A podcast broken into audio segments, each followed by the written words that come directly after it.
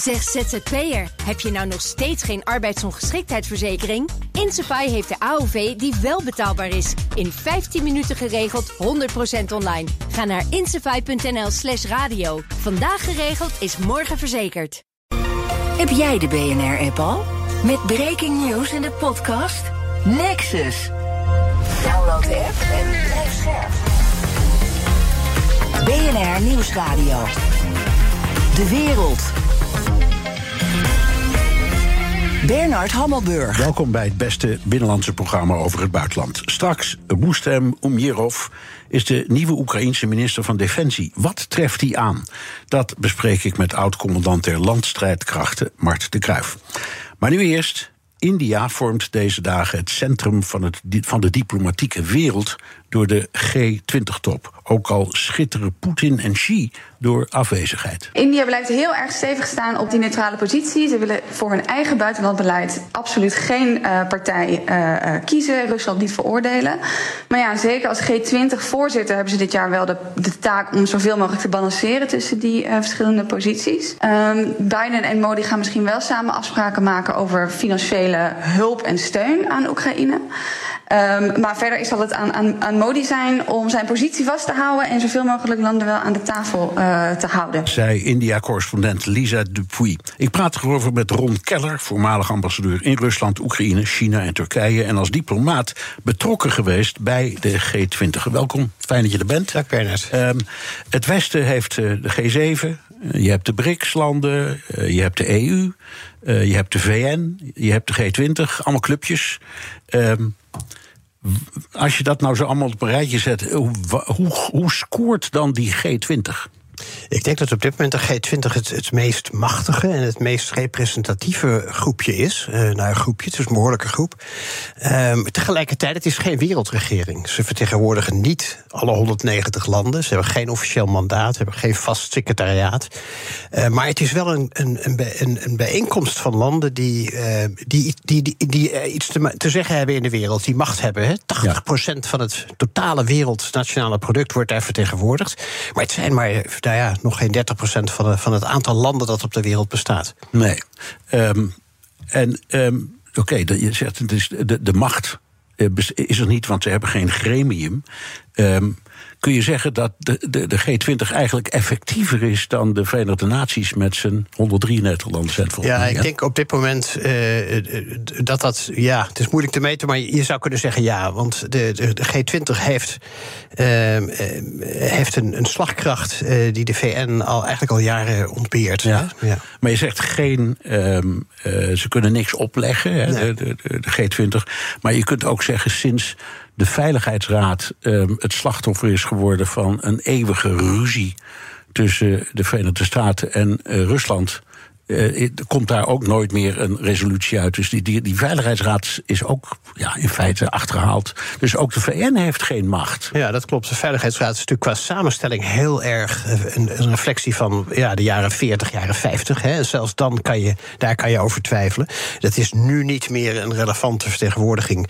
De landen die erin zitten, die hebben ook nog eens een vetorecht. Dus dat, is, dat maakt het ook al eigenlijk niet werkbaar. En dat zie je dan ook in de praktijk. Al jaren ja. uh, is die veiligheidsraad. Hoeveel honderden oorlogen zijn er sinds 1945 gevoerd. De Veiligheidsraad stond erbij en keek ernaar. Dat ja. is eigenlijk een hele trieste constatering. Maar dat is het op papier het meest uh, zeg maar officiële orgaan dat we hebben om de wereldvrede te handhaven. Ja, je kunt ook zeggen, het, enige uh, internationale, de enige internationale um, uh, wet die je kunt bedenken, of verbod of gebod, dat kan alleen maar komen uit de Veiligheidsraad van de VN. Er is verder niets dat voor de hele wereld geldt. Ja, de VN heeft natuurlijk, de Veiligheidsraad heeft een mandaat. En de, ja. de VN heeft ook een officieel mandaat. Dat is wel door alle lidstaten onderschreven. Dus dat op zichzelf ziet er dat op papier ziet het er goed uit. Maar als je kijkt naar wat het politiek betekent. Ja. Zie je dat de VN-systeem als geheel eigenlijk aan het falen is, helaas. Even, even wat voor criteria hanteert de G20 nou voor het lidmaatschap? Want als ik het goed begrijp, baseren ze zich op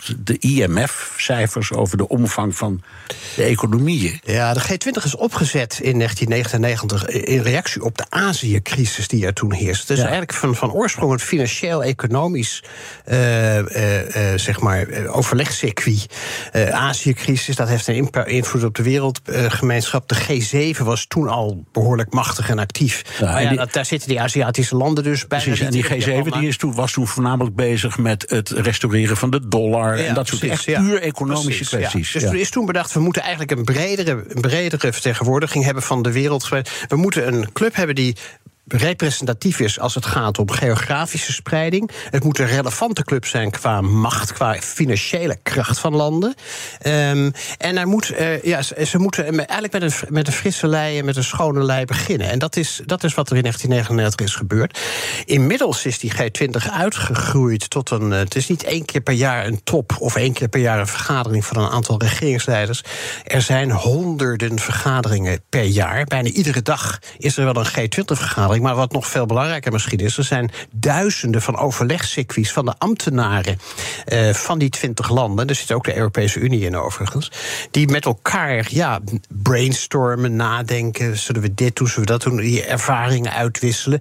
Die een gezamenlijk zeg maar, verhaal opbouwen. Dus qua, uh, uh, qua overlegcircuit en, en, en om begrip voor elkaar standpunten te krijgen, is het uitermate belangrijk. Ja, En het is al veel, veel verder gegaan dan die financiële economische agenda. Het gaat inmiddels over bijna alle sectoren die, uh, die je in een, ook in de nationale overheid aantreft. Oké, maar de G20-top, dat is door, door, waar wij naar kijken. Jij zegt eigenlijk is dat maar een onderdeeltje van het geheel.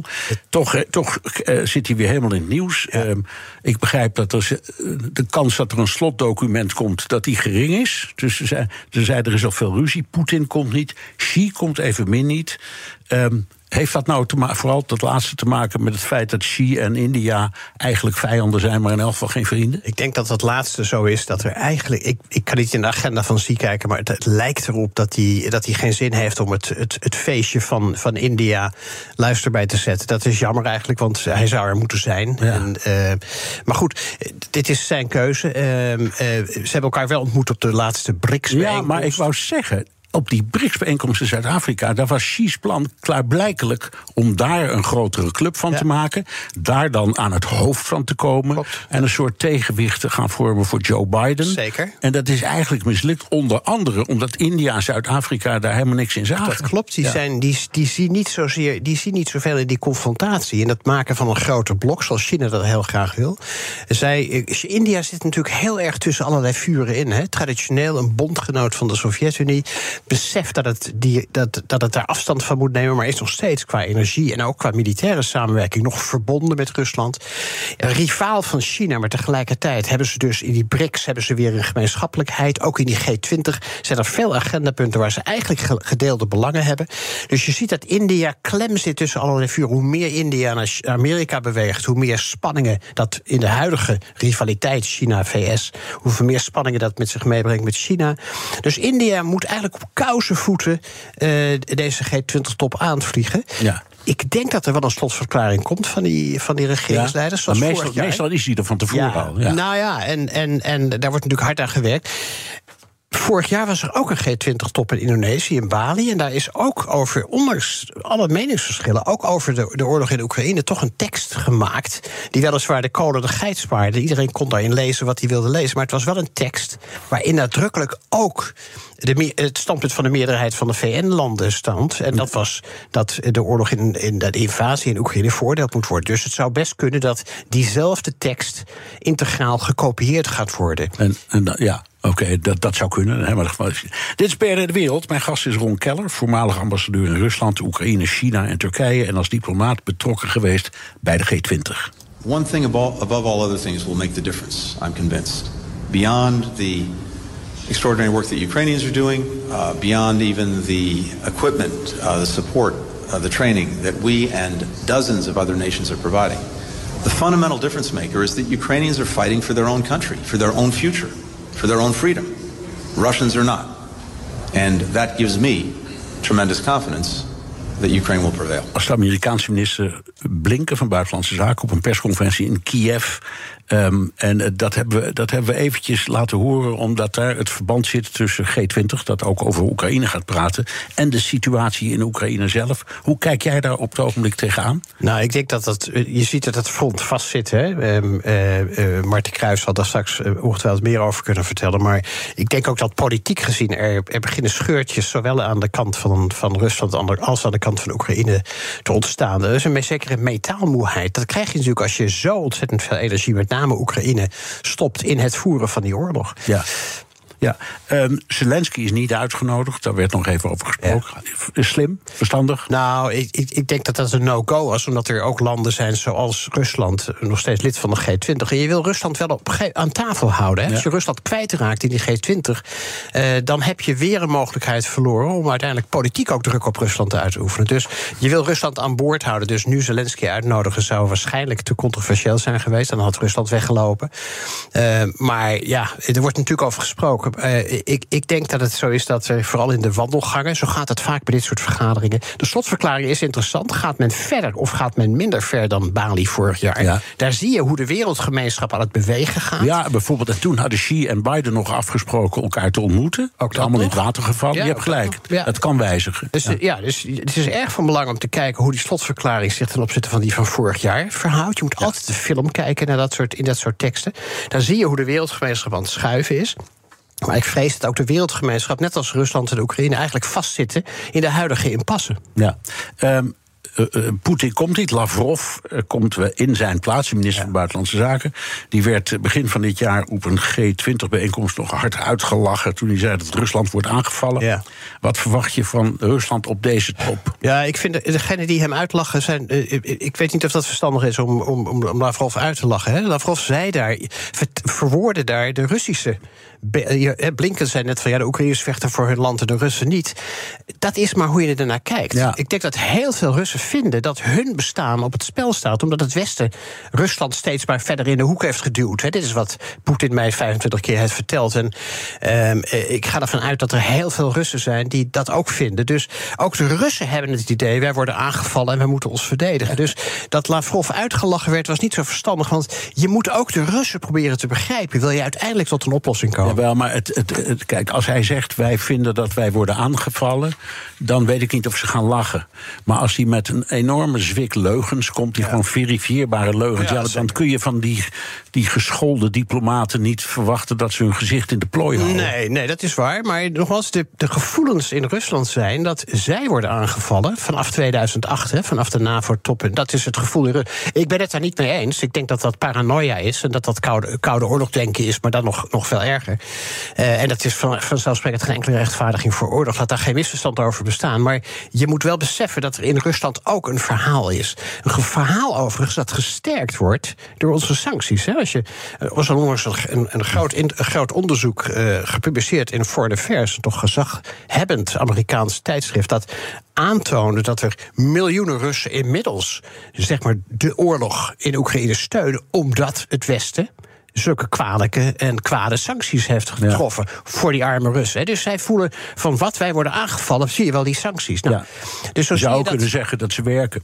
Ja, ik weet niet of dat. Ik denk op dit moment, als de Russen dieper zeg maar, in, dat, in dat conflict gaan zitten, dan weet ik niet of dat zo verstandig is. Maar goed, dat is. Uh, nou, nee, dat is een heel, heel belangrijk punt, omdat wij. Het is eigenlijk het enige wat we kunnen doen: wapens, geld leveren en sancties. Ja. Ja, ik heb, ik heb altijd gezegd: sancties kunnen alleen werken als de hele wereld meedoet. En dat is zeker niet het geval. En dan, anders kan je eromheen. De geschiedenis leert helaas dat ze niet werken. Even terug naar die eh, G20, want jij bent wel eens, uh, jij hebt wel eens aan de binnenkant meegekeken hè, hoe iets tot stand komt. Dat was in Saudi-Arabië. Ja, dat was in, in de, in, een paar jaar geleden toen ja. Saudi-Arabië voorzitter van de G20 was. Ja. ja. En vertel, geef het een indruk van wat je dan ziet en meemaakt. Dat, ja. is, dat is een land dat normaal niet het centrum van de wereld is en dan plotseling wel. Ja, dat is, nou ja, het is voor, voor, het, voor het voorzittende land een enorme effort. Want het gaat dus om 2000 vergaderingen. Het is niet alleen de regeringsleiders. Ik zei al, alle vakministers hebben ook hun eigen G20-vergaderingen. De hoogambtenaren hebben dan ook weer hun eigen vergaderingen. Maar ook er is een Business 20, er is een Women's 20, er is een Youth 20, er is een Civil Society 20. Er is een hele aantal andere vergaderingen rondom uh, die eigenlijk die top, uh, door, door het jaar gespreid, die moeten worden voorgezeten. En als je als land, zoals in dit geval Saudi-Arabië, geen ervaring hebt met voorzitter, wij in Europa hebben natuurlijk om de zoveel tijd een EU-voorzitterschap. Dus daar zijn we wel een beetje mee, inmiddels mee mee, bekend. Maar zo'n land als Saudi-Arabië, dat geldt eigenlijk ook voor India. Voor hen is het vaak onbekend hoe je dat allemaal moet organiseren. Wat kan je als voorzitter wel en wat kan je niet doen? Ja. En ik heb, ja, ik heb het genoegen gehad om, om Saudi-Arabië een klein beetje te adviseren Ja. hoe je een voorzitter kan zijn. en wat adviseerde je ze dan? Wat moesten ze doen? Nou, ik heb, ik heb ze vooral uitgelegd dat als voorzitter dat je moet proberen om uiteindelijk tot een eindconclusie te komen. Dat je dus niet je eigen Saudische wensen eh, kan laten prevaleren. Juist als voorzitter moet je dienstbaar zijn aan de groep. Je wilt natuurlijk zorgen dat de groep ergens uitkomt. En je moet je. eh, ik heb ook heel erg eh, sterk ge- gevoeld in, die, in, die, in, in, die, in mijn advisering daar. Dat zo'n G20, het zijn twintig landen met totaal verschillende culturen. En dat betekent heel concreet, als je als voorzitter een voorst- op tafel legt, dan zal de Duitse de gedelegeerde. Zweedse gedelegeerde als hij hier zou zitten, of de Nederlandse gedelegeerde als hij hier zou zitten, die zou onmiddellijk zeggen ja of nee. Wij hebben een, een Ja. cultuur dat we meteen reageren.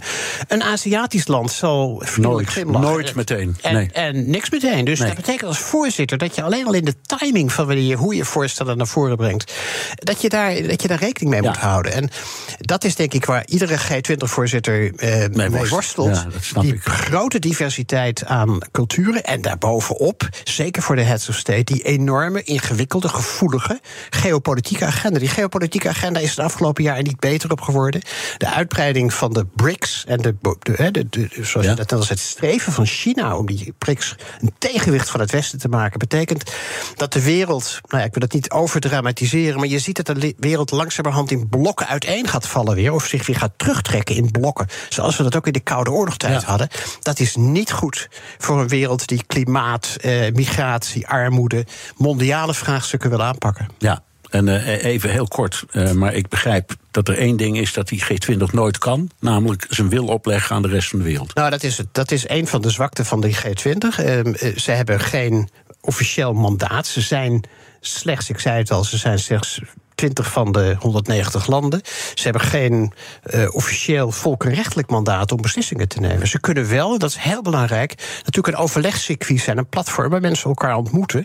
En het is altijd belangrijk om elkaar in de ogen te kunnen kijken. Al is het maar één keer per jaar dat die regeringsleiders elkaar even, zeg maar, als mens ook voelen. Dat maakt zoveel verschillen, want de wereld wordt toch gemaakt door mensen, niet door papieren. Dank Ron Keller, voormalig ambassadeur in Rusland, Oekraïne, China en Turkije en als diplomaat betrokken geweest bij de G20.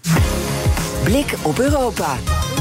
En dat doen we met onze Europa-verslaggever Geert-Jan Haan. Geert-Jan, de president van Moldavië bracht deze week een bezoek aan Nederland. Je hebt er gesproken. Wat zei ze? Ja, ze was vorige week eh, bij CNN, bij Christiane Amanpour. En eh, het was nu aan ons om bij BNR eh, met haar in gesprek te gaan. En Floris Akkerman en ik, mijn collega, we spraken vooral over de lastige positie waar Moldavië, dat hele kleine land, weggestopt daar in die hoek van Europa, waar dat land in verkeert. Moldavië kent meerdere min of meer afvallige regio's die aansluiting bij Rusland zoeken, waarvan één al ruim 30 jaar door Rusland wordt bezet, namelijk Transnistrië.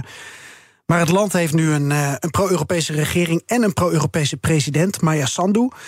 En zowel de regering als Sandu die proberen uit alle macht, ondanks Russische destabilisatiepogingen op allerlei gebieden, om, eh, om Moldavië dichter bij Europa te krijgen. En daar hebben we het met Sandu over gehad. Ja, de voorzitter van de Europese Raad is Charles Michel.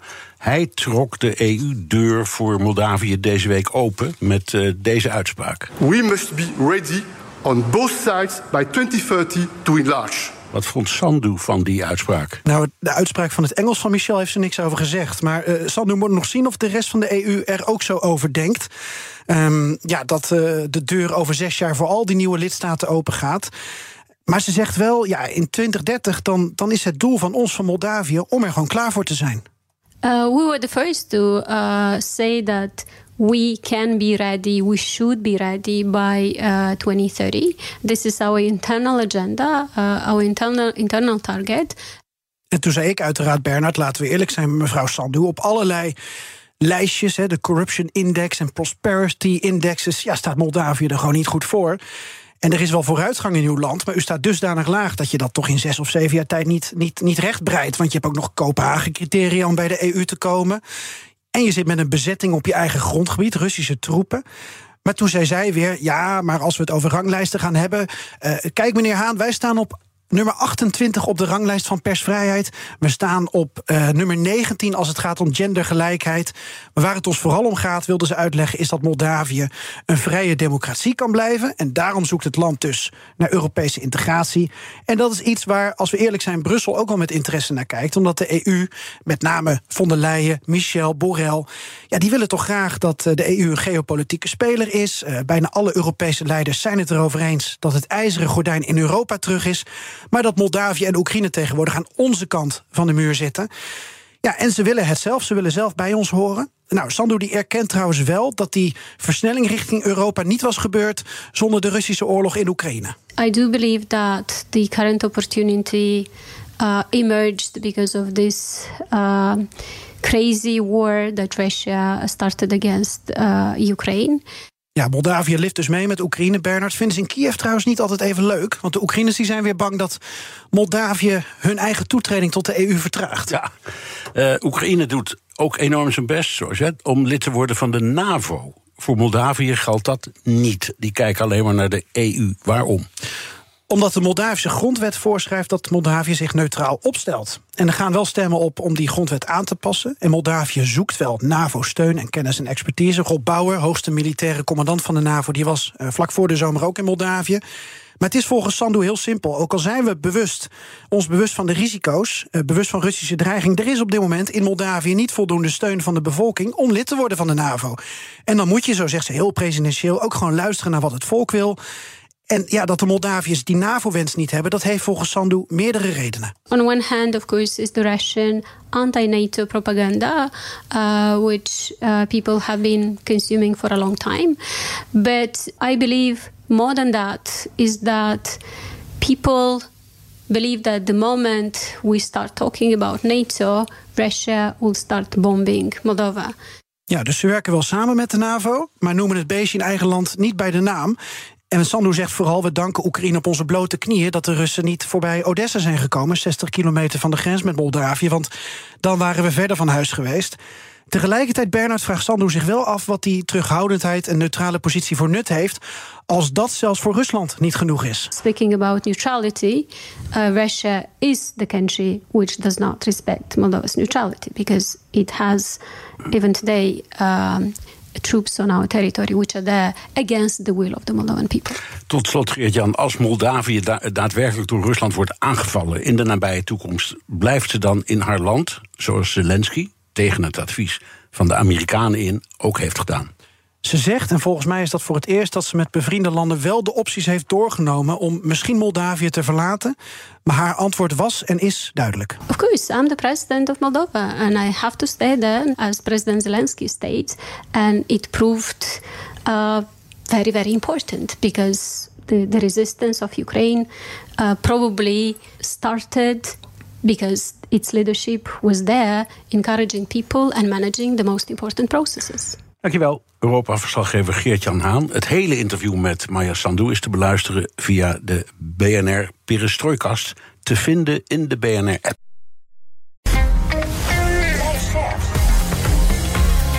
BNR Nieuwsradio. De wereld. Bernard Hammelburg. Oekraïne heeft een nieuwe minister van Defensie, Roestem Umjerov. Hij moet ervoor zorgen dat er wat gedaan wordt aan de corruptie binnen het Oekraïense defensieapparaat. President Zelensky kondigde begin deze week het vertrek van Umjerovs voorganger Resnikov aan. Цього тижня парламенту буде This week, the parliament will be asked to make a staff related decision. I would like to outline it now. I have decided to replace the Minister of Defense of Ukraine.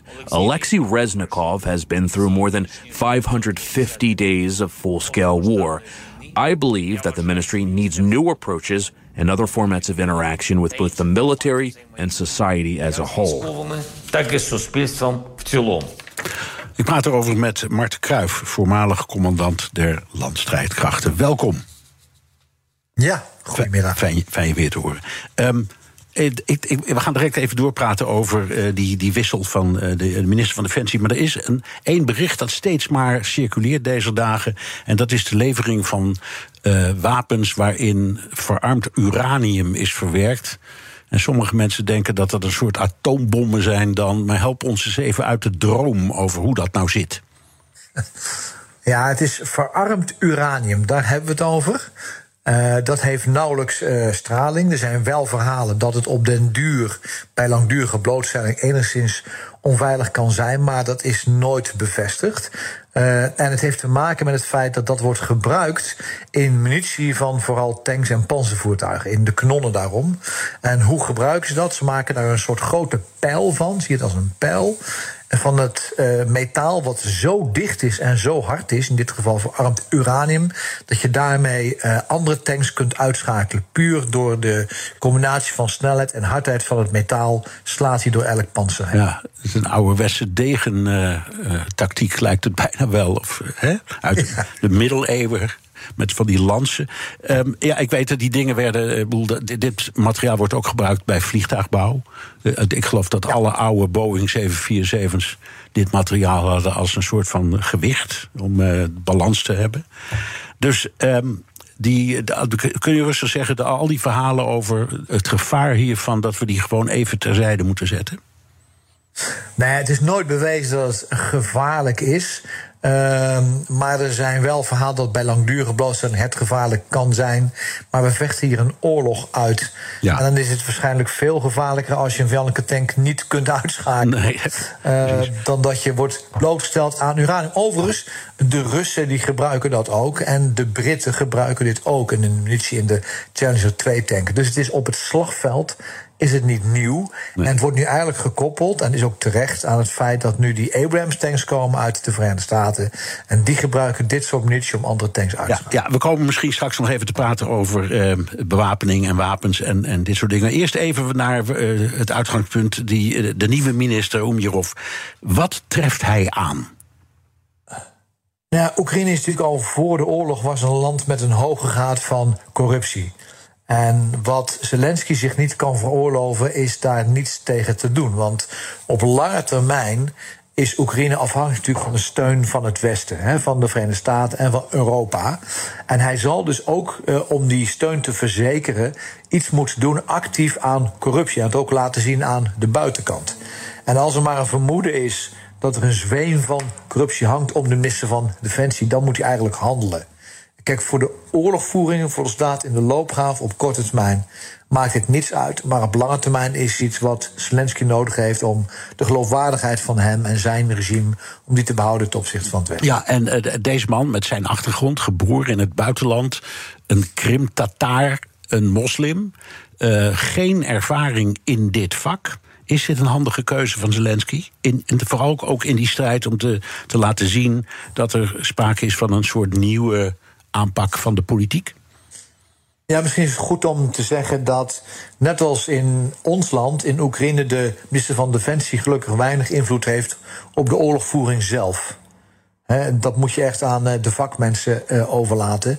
En in Oekraïne is dat de commandant der strijdkrachten met zijn mensen. Die voeren de oorlog. Ja. Alleen de hele ondersteuning van die oorlog, en dan praat je over de selectie van mensen, de werving van mensen, het ambtelijk apparaat wat het uh, ministerie moet leiden. Daarvoor is de minister verantwoordelijk, net zoals hier. Dus het heeft weinig operationeel effect, maar het is ook wel een politiek effect. En het laat zien dat Zelensky dat actief aanpakt. Ja. Nogmaals, voor de bedrijfsvoering op de grond, voor de soldaten op korte termijn, verandert er niets. Nee. Uh, als we met jou praten, komen we nooit om uh, de belangrijkste vraag heen. Dus die ga ik nu weer stellen. Wat is jouw analyse van wat er op het ogenblik gebeurt aan het front? Ja, wij hebben met z'n allen natuurlijk met westerse ogen naar het voorjaarsoffensief of het lenteoffensief gekeken. En uh, gedacht volgens de boekjes die wij hebben. Nou, als je een offensief begint, doe je dat massaal. Doe je dat geconcentreerd op één plek en met luchtoverwicht. Oekraïne heeft dat niet. Hè? Dus uh, ja, die zijn met een strategie begonnen die eigenlijk kan worden getypeerd met als het niet kan zoals het moet volgens de boekjes, dan moet het maar zoals het kan. Ja. Oekraïne kan zich geen grote verliezen veroorloven, zeker niet op personeelgebied. Dus ze hebben een uh, strategie gevonden die eigenlijk is een strategie van nog honderd kleine stapjes in plaats van de grote stap. En dat betekent dat ze eigenlijk mijnenveld voor mijnenveld gaan ruimen door de Russen die naar zo'n mijnenveld kijken en die zo'n mijnenveld kunnen beschieten met artillerie en vanuit de loopgraven, om eerst die Russen uit te schakelen met de eigen artillerie. En als die Russen dus geen invloed meer kunnen uitoefenen op zo'n mijnenveld, Dan gaan ze s'nachts door zo'n mijnenveld heen. En zo gaan ze zeg maar stap bij stap breken door zo'n verdediging heen. En Ja. dat is niet zoals het klassieke boekje vraagt. Maar het is wel handig en het levert nu dus ook successen. Want feit is dat ze door de eerste verdedigingslinie van de Russen... die waarschijnlijk ook het sterkst is... dat ze daar, zuid van Zaporizhzhia, daar hebben ze een doorbraak. Ja, en, en eh, dat zijn allemaal, als je kijkt op de kaart met die kleurtjes erop, bescheiden doorbraken. Maar van jou begrijp ik altijd dat je dat niet moet onderschatten hè, als dat gebeurt. Zo'n doorbraak. Nee, zeker niet. Om, omdat de Russen een half jaar de tijd hebben gehad om zo'n doorbraak te forceren. Omdat de eerste linie waarschijnlijk ook de sterkste is en de meest voorbereide. En we nog steeds zien na een jaar, en dat is wel echt opvallend, dat het Russisch leger nog steeds moet reageren op wat een veel kleiner leger, het Oekraïnse leger, doet. En als Oekraïne nog zeg maar 40 kilometer eh, verder komt, dan kunnen ze met hun artillerie, hun verdragende artillerie, eigenlijk tot aan de zee van Azov schieten. En dat betekent dat je de bevoorradingslijnen van het Russisch leger kunt gaan uitschakelen en kunt beheersen. Ja. en dat is echt wel, eh, als ze dat kunnen, dan is dat voor de Russen een groot probleem. Dit is BNR De Wereld. Mijn gast is Marten Kruijf, voormalig commandant der landstrijdkrachten. Het Westen gaat steeds verder in de bewapening, wapenleveranties voor Oekraïne. Maar het duurt vaak wel erg lang, vinden veel mensen. Veel te lang, onder wie oud-ambassadeur Robert Serri. Ik wil het absoluut niet bagatelliseren, maar het komt steeds te laat. Ik heb dat al heel vaak gezegd. Eh, Ik, heb- ik heb het al in eh, december gezegd, toen, toen het begon met de, met de tanks. Ehm, en wat je nu ziet, is. eh, we zijn nu ook ongeduldig aan het worden over dat eh, Oekraïnse tegenoffensief. Maar daar moeten we eigenlijk niet zo verbaasd over zijn. Want de wapens die daarvoor nodig zijn, die werden steeds heel traag geleverd. En dat is tot op de dag van vandaag het, eh, het geval. Ook weer met die, met die F-16's. Ja, Marten Kruijf, doen we het te langzaam en te weinig voor Oekraïne? Nou, als ze nou enorm veel voorraden hadden en veel middelen over, dan hadden we waarschijnlijk meer kunnen leveren. Maar daar passen wel twee kanttekeningen bij. Eh, Europa is kaal. Hè, wat wij op de plank hadden liggen aan granaten, eh, dat is eh, geleverd. Dus moet je weer gaan produceren. Eh, wij hadden geen tanks meer, dus wij moeten oude Leopard 1 tanks uit het buitenland helemaal gaan opkalefateren om te gaan leveren. Het feit dat we niet veel kunnen leveren aan Oekraïne heeft te maken met het feit dat we in Europa afgelopen jaar onze krijgsmachten enorm hebben afgebouwd. Dus het is niet onwil, het is vaak ook het onvermogen om te kunnen leveren. En een tweede is dat zeg maar de absorptiecapaciteit van het Oekraïns leger is ook niet al te hoog. Je krijgt allemaal verschillende wapensystemen met verschillende logistieke lijnen, met verschillende munitie, verschillende opleidingen, verschillende reservedelen. Ja, dat kost gewoon tijd. En dat is een goede les voor ons allemaal. Leger stopzetten kan binnen een dag. Je doet een eh, kazerne op slot en je bent klaar, maar een krijgsmacht opbouwen. En daar ben je jaren over aan het doen. En dat zie je nu in de praktijk. Ja, dat is waar. Maar goed, de, de, de kritiek is dan. Ik begrijp wat je zegt hoor. We, we, we doen wat we kunnen. Alleen de vraag is: beslissen we snel genoeg om te doen wat we kunnen? Ja, ehm, kijk, als je nou bijvoorbeeld kijkt naar de eh, F-16, hè, daar zijn we natuurlijk eh, jaren mee bezig om te beslissen wat gaan we hiermee doen. En koppel dat dus aan de fases in deze oorlog. Hè. De eerste vier weken dacht niemand: dit wordt een lange oorlog. Nee. En plotseling blijkt het een lange oorlog te worden. Blijkt de enige mogelijkheid van Poetin om deze oorlog te kunnen winnen, is dat hij denkt dat hij met tijd aan zijn zijde deze oorlog kan winnen. Ja, dat is niet zo. Nou, dan moet je wel heel snel kunnen schakelen. Wil je überhaupt geavanceerde wapensystemen als F-16 kunnen gaan leveren? Dan ben je echt een jaar, anderhalf jaar verder. En dan nog hè, kijken we alleen naar het fysieke deel. Hè? We kijken naar staal, we kijken naar hardware. Ehm, maar wat ook cruciaal is in zijn andere dingen als leiderschap en eh, motivatie. En, en dat maakt het eh, verschil. Dus hadden we meer kunnen leveren, als we meer op de schappen hadden kunnen gehad, dan hadden we zeker meer eh, kunnen leveren. Eh, maar er zit ook wel een strategisch iets in. Als derde element is ja. ehm, je moet wel een balans kunnen vinden tussen wat wij leveren. en weet dat je een oorlog voert met een land dat kernwapens heeft. Ja. En dus daar zit ook wel een bepaalde. Oké, nou, maar dat is, dat is een prachtig, prachtig voorbeeld. Dus eh, Biden denkt heel lang: ik, ik ben niet voor die F-16's, want dat is te provocerend. Eh, Rusland is een nucleaire natie, laat ik even uitkijken. En uiteindelijk doet hij het wel. Dus er is iets gebeurd. En dan, dan denk ik, wat is er gebeurd? En waarom heeft hij dan niet meteen die beslissing genomen? Misschien wel zeven, acht, negen maanden geleden. Nou ja, ehm, dat is door die korte oorlog van, we dachten dit gaat geen lange oorlog worden. Door de successen afgelopen zomer door Oekraïne, eh, Noord bij Kharkiv, hè, waar ze in korte tijd heel veel eh, treinen hebben kunnen eh, veroveren. En het feit dat we laat hebben gerealiseerd dat Poetin alles gaat gebruiken om deze oorlog te gaan winnen. En niet alleen militaire middelen, maar ook financiële middelen en diplomatieke middelen. Hij gaat alles inzetten. Ja, ja en dan moet je als Westen daarop eh, reageren. En dat kost gewoon tijd. Daarover dan zie je spreken. dat je aan de grenzen aanstoot van wat je daar- kunt en niet kunt. Daarover spreken over Rusland. Eh, ook die hebben een munitieprobleem, maar die lossen het nu op door ehm, het eh, grootschalig te gaan kopen in Noord-Korea. Ehm, en ik denk dan steeds, ja, als Oekraïne wapens krijgt uit het Westen, waarom zou Rusland ze dan niet kunnen kopen in een ander land? Hè? Los van hoe we daarover denken. Maar het is wel heel veel wat ze kopen. En ik, ik denk dan twee dingen. Ehm, in de eerste plaats, wat raar dat het gebeurt, maar het gebeurt. In de tweede plaats, het zet eh, Oekraïne wel een enorm eind terug. Ja, ja, trouwens nog even over het, op het, over het eerste terugkomend. Hè. Het Westen levert ook geen wapens die op Russisch grondgebied kunnen worden ingezet. Zo zie je maar dat er ook wel een beperking ligt. Maar je hebt volkomen gelijk eh, dat Noord-Korea nu wapens moet gaan leveren aan eh, Rusland. Zegt allereerst dat Rusland er alles voor over heeft. En heeft ook wel iets ironisch in zich. Ja. Rusland is het land geweest wat altijd Noord-Korea heeft gesteund als klein eh, broertje. En nu is bijna in, in een soort lichte wanhoop is Poetin afhankelijk van wapenleveranties die van Noord-Korea moeten komen. En dat is nou precies waar Poetin op speelt. Poetin speelt dat hij met zijn partners, Iran, Noord-Korea, deze oorlog langer kan volhouden dan dat het Westen deze wil volhouden. Ja. Want hij ziet natuurlijk de onzekerheid van verkiezingen komen in de Verenigde Staten. En dan wordt heel erg de vraag of Europa bereid is om deze oorlog vol te houden. En, en Poetin denkt dat het niet zo is. Hij ziet ons als wankelmoedig, zeg maar als watjes in Europa. Ja, en, en, en, en dat, is, dat is als zijn kans om deze oorlog te winnen. Tot nu toe zijn die signalen er niet. Maar het laat zien dat deze oorlog cruciaal is voor de toekomst van veiligheid binnen Europa. Want ook Europa wordt uitgedaagd met de kernvraag: willen wij deze oorlog blijven voeren of niet? Ja. Kun- Kunnen we het bezoek van Blinken, de, de minister van Buitenlandse Zaken van Amerika, aan Kiev onverwacht en ook met een overnachting, daar zit ook weer symboliek in, kunnen we dat zien als een geruststelling? eh, aan de Oekraïners dat ja, ja, we weten dat ook in Amerika er twijfels zijn of dit voor eeuwig kan, maar reken er maar op dat we het blijven doen. Was dat een beetje de boodschap die die kwam brengen?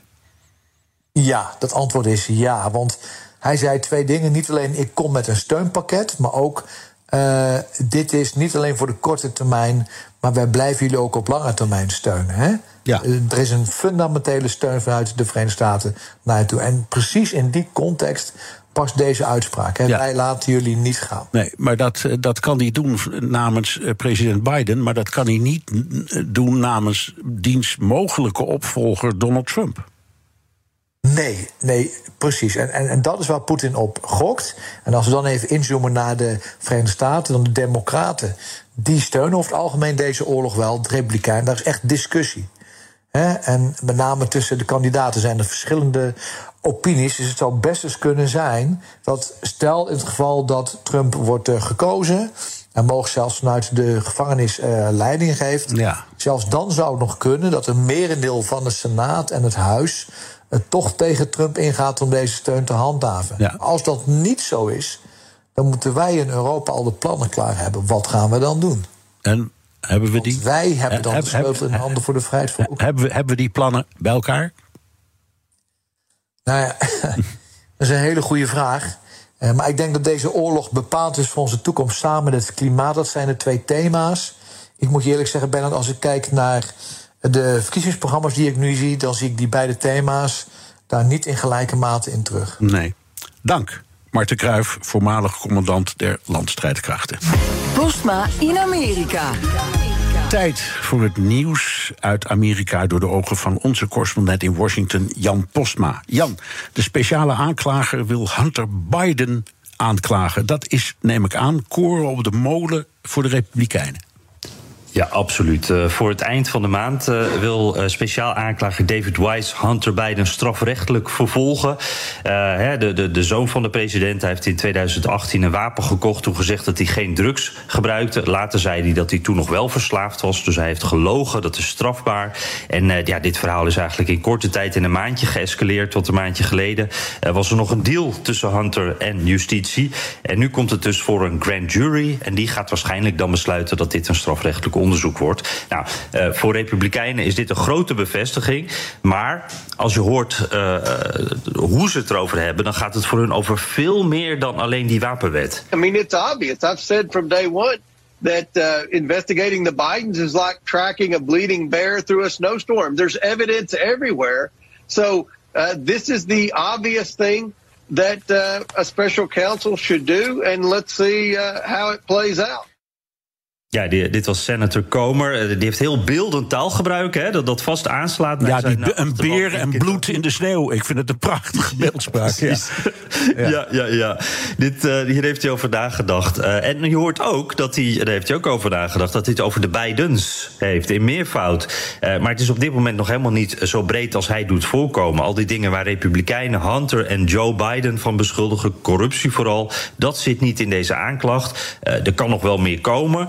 Uh, want, uh, de speciaal aanklager heeft bijvoorbeeld nog niet bepaald of Hunter Biden ook wordt aangeklaagd uh, voor die periode dat hij zijn belastingen niet betalen, betaalde. Maar ja, ook daar zijn op dit moment geen aanwijzingen dat daar Joe Biden ook bij betrokken is. Maar dus als je naar Fox News kijkt, dan is dit al helemaal kat in het bakkie en nou kan die impeachment wel beginnen. Ja. De Obama's spelen weer een wat groter rolletje in de Biden-campagne en er gaan meteen complottheorieën rond. Ja, ze zijn uh, meer zichtbaar uh, in de Biden-campagne. Het, het, het, uh, ik krijg bijvoorbeeld heel regelmatig nu sms'jes van die campagne. En dat je bijvoorbeeld een meet and greet kan winnen met de Obama's. en het is ook logisch dat Biden ze weer inzet. Hè. De Obama's zijn, zijn beide de meest populaire figuren in de Democratische Partij, by far ook. En die rare ja, republikeinse fantasieën over de Obama's zijn dan ook ineens weer terug. Trump zei ooit dat Obama niet in Amerika was geboren. Hè. om dat soort dingen gaat het dan? Uh, nu bijvoorbeeld Megyn Kelly, voormalig Fox News-ster. Uh, die zegt dat de Obama's eigenlijk de baas zijn in dit, uh, in dit Witte Huis, in dit land. En dat Michelle Obama zomaar presidentskandidaat zou kunnen worden. Well, there are a lot of people who think the Obamas are already running the government. and that there's some sort of a shadow puppet situation going on that they're controlling, you know, because there's been questions from the beginning. Is it Joe Biden really making the calls? Um, I think Michelle Obama is seen as a savior figure by the Democrats. They think she's the most beautiful person ever. They think she's the strongest leader. They, you know, they think she's their their their big hope. Ja, eh, veel mensen denken. Daar begint dit mee. En met dat zinnetje, dan weet je al welke kant het op gaat. Uh, ja, zij zegt dus de Obama's trekken aan de touwtjes, niet Biden. En dan zegt ze ook nog, ja, Michelle Obama... die, zou wel eens de presidentskandidaat kunnen worden voor uh, de Democraten. Maar dat is een probleem, want zij houdt helemaal niet van Amerika. Zij is eigenlijk anti-Amerikaans, dus dat wordt heel gevaarlijk. Um, nou... allemaal in onzin natuurlijk. Ik, ik, zie ook Michelle Obama echt geen presidentskandidaat worden. Maar het is nog kinderspel vergeleken met een andere ex-Fox News-ster... Uh, die ook de aandacht probeert vast te houden. Tucker Carlson, die interviewt een man die zegt dat hij cocaïne snoof... en seks had met Barack Obama. Je hoort het goed. Uh, deze man is veroordeeld voor onder meer fraude en oplichting. Uh, riep dit in 2008 ook al eens. Uh, en toen was er weinig aandacht voor, omdat deze man geen enkel bewijs had. En dus ja, zijn reputatie, dit is nou niet bepaald een betrouwbaar iemand. En ja, ook nu rijst dus de vraag: ja, waarom zou je dit nou geloven? En dat wordt dan zo ingepakt en ook meteen opgeserveerd door Tucker Carlson. The guy's running for president, and credible information comes out that he's smoking crack and having sex with dudes. That seems like a story. Well, it would be a story if the media really cared about telling people the truth. Zo. Ja, dit is echt uh, tekstboek, hè? Ja, wat, wat kan ons de waarheid schelen, hè? Ja, precies. Als dit een verhaal was natuurlijk, in 2008 komen wij uit... als hier bewijs voor was, dan had iedereen daar bovenop gezeten, gezeten. En ja, Tucker Carlson is hier de held. Dat is de enige die er wel over eh, durft te praten. En eh, ik denk dat het daarmee, uh, ja, jammer genoeg ook voor veel Tucker Carlson fans... meteen, meteen ook is uitgelegd dat die meteen denken... oh ja, dat is heel logisch eigenlijk. Ja, Trump zegt dat hij gaat getuigen als de rechter dat aan hem vraagt. Ja, dat uh, zei hij in de show van Hugh Hewitt. Wie? Ja, dat uh, is een conservatieve opiniemaker. Ook ergens daar op YouTube en op al die plekken. En die vraagt dan aan Trump: zou je doen? Zou je getuigen? En Trump die twijfelt niet. Will you testify in your own defense?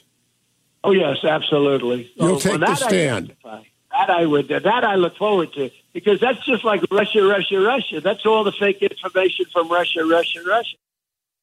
Ja, uh, dit was overal groot nieuws. Want hey, Trump zegt hier dat hij zou getuigen uh, in een van die vele rechtszaken tegen hem. Maar ja, we hebben dit vaker gehoord, hè, Bernard. Eigenlijk, uh, of het nou om het Mueller-rapport of over. Nou, noem de zaak maar op. Altijd zei hij van ja, tuurlijk zou ik willen getuigen. En nooit is het gebeurd. Ik zou er mijn geld niet op, op zetten. ik denk dat Trump het alleen doet als hij moet en echt niet anders kan. En ik denk dat er een heel leger aan advocaten heel hard nee aan het schudden was toen hij dit zei. Ik zie nee. dit niet gebeuren. Nee, het kan ook zijn dat hij dit als een opmaat gebruikt voor zijn volgende poging tot uitstel. Hè? Want dat is ook echt zijn tactiek.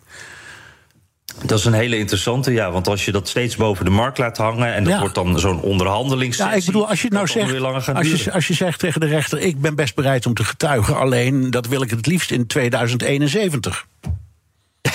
ja, precies. Dit zou ook nog zomaar een realistisch jaartal voor Trump kunnen zijn. Ja, precies. Dat denk ik ook. Ja. Oké, okay. dankjewel. Jan Postma, correspondent in Washington. Wilt u meer horen over dat fascinerende land? Luister dan naar de Amerika-podcast van Jan en mij. Tot zover BNR De Wereld. Terugluisteren kan via de site, de app, Spotify of Apple Podcast. Reageren kan via een mailtje naar dewereld.bnr.nl. Tot volgende week. Zeg ZZP'er, heb je nou nog steeds geen arbeidsongeschiktheidsverzekering? Insafai heeft de AOV die wel betaalbaar is. In 15 minuten geregeld, 100% online. Ga naar insafai.nl slash radio. Vandaag geregeld is morgen verzekerd.